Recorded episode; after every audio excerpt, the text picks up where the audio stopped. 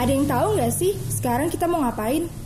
Eh, tapi sebelum itu lebih enak kenalan dulu kali ya. Kenalin nih, nama gue Risnawati, biasa dipanggil Risna. Kalau gue Dwi Septiani, sering dipanggil Dwi. Kalau gue Aska Prasetyo, bisa biasa dipanggil Aska. Kalau gue Rafael, gue biasa dipanggil Raf. Ngomong-ngomong ini pertemuan pertama kita loh, ya ampun, udah lama banget kita kuliah online. Kita aja bisa ketemu karena disuruh bikin podcast, ya sih, ya Allah. Gimana nih kabar kalian? Iya nih kita ketemu cuma kayak buat nilai doang, UTS lagi. Kabar gue sih baik nih, yang lain gimana? Ya kabar gue sih baik-baik aja ya selama kuliah online ini. Ya kalau kabar gue sih baik-baik banget ya, cuman untuk perkuliahan sedikit agak nggak lancar. Nah selama pandemi ini kan uh, kita cuma di rumah doang ya. Kalau kegiatan lu pada apa sih di rumah? Kalau gue mah ya kayak cuma tidur, terus main sama saudara, gitu-gitu doang. Lu pada ngapain sih? Bosen gak sih di rumah? Ya kalau gue sendiri bosen banget, apalagi ya sekarang tuh gue bener kayak pembantu tau gak sih? Tiap pagi gue harus cuci baju, jemur, padahal gue harus kuliah juga, tapi gue harus nyapu, ngepel, udah gitu gue harus jagain adik gue, gue nyuapin segala macem banyak banget deh.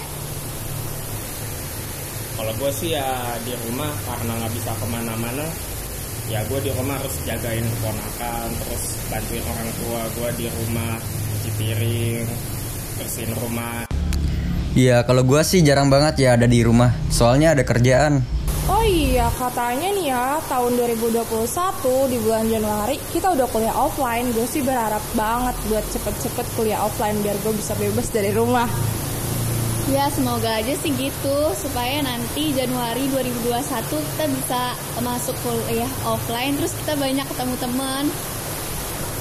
Apalagi kan kita kenal orang kan nggak cuma dari foto doang, harus ketemu langsung juga ya kan? Ya iyalah bro, masa ketemunya lewat video call doang. Ya semoga aja Januari 2021 ini kita kuliah offline ya. Ya udahlah, nanti juga kita ngerasain kan kuliah offline kalau semuanya udah membaik. Iya nih daripada kita ngoceh-ngoceh nggak jelas, mending balik ke topik. Tadi kita pengen bahas uh, podcast tema apa ya? Apa nih gue lupa kasih tahu dong. Temanya itu tentang fenomena netizen dan sosial media. Wah, kayaknya seru tuh. By the way, media sosial apa aja sih yang sering kalian pakai? Kalau gue sih seringnya pakai WhatsApp sama Instagram. Terus kalian kalau main sosial media berapa jam? Kalau gue sih dari pagi. Kalau gue sih lebih sering WhatsApp, terus kayak Instagram gitu, lebih ke TikTok sih. Cuma gue juga punya Facebook. Lah lo makin Facebook, emang masih zaman ya sekarang? Ya udah nggak zaman banget sih, cuma kadang gue buka aja, nggak tahu gabut.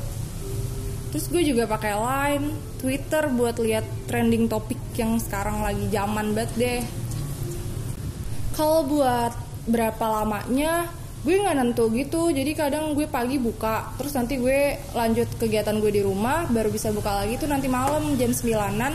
Nanti sampai jam satuan gitu sampai gue tuh lupa kalau itu tuh udah pagi. Akhirnya gue tidurnya selalu telat. Kalau misalkan gue sih pakai sosial media WhatsApp, Line, Twitter, uh, Telegram, Instagram, TikTok banyak juga sih. Terus kalau misalkan mainnya berapa lama, nggak nentu juga. Semau gue aja gitu megang HP. Kalau gue sih media sosial yang gue pakai kayak Instagram, WhatsApp itu juga gue makainya jarang-jarang sih kecuali ada yang penting atau gue gabut. Apalagi di zaman sekarang ini kita nggak bisa lepas dari namanya gadget, ya nggak? Nah betul banget, kayak kita sehari nggak buka media sosial tuh kayak ada ngerasa kurang nggak sih? Sekarang secara nggak sadar kita udah ketergantungan banget.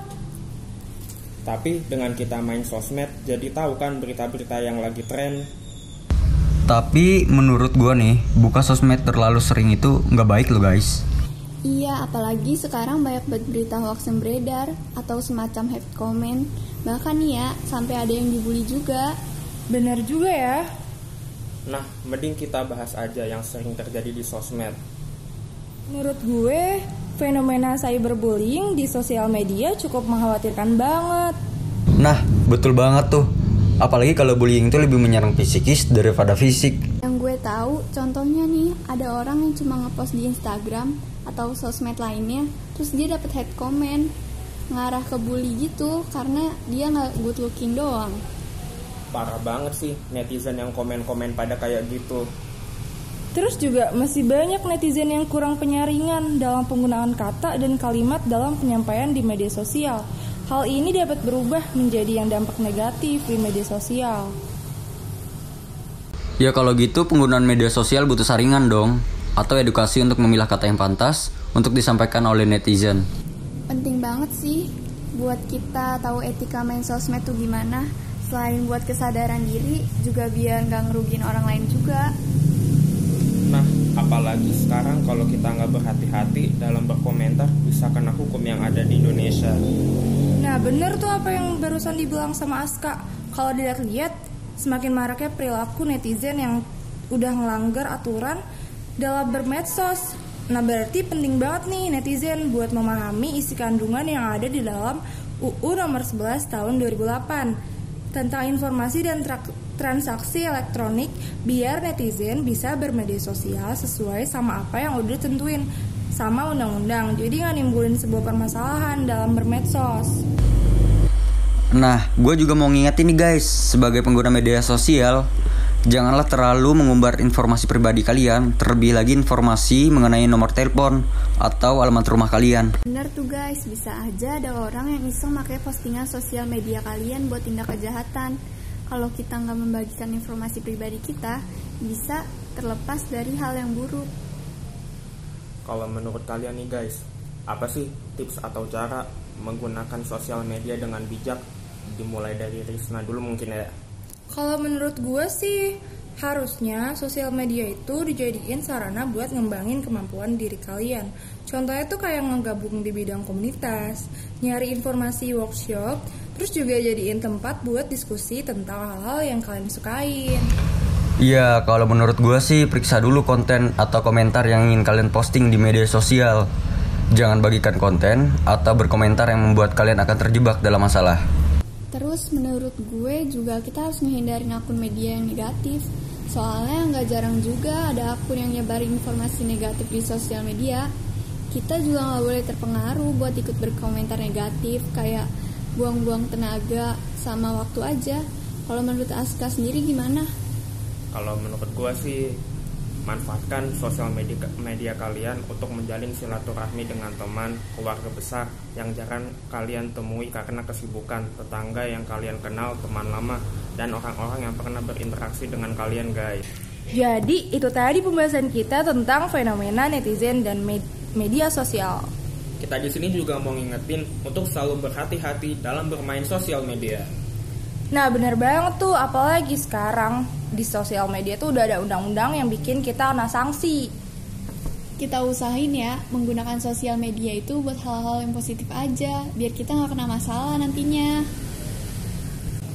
Nah buat kalian jangan lupa selalu jaga kesehatan. Ikuti protokol kesehatan dengan 3M, memakai masker, menjaga jarak, dan selalu mencuci tangan. Oke, segitu aja podcast dari kita. Stay tune. untuk, Untuk podcast kita selanjutnya.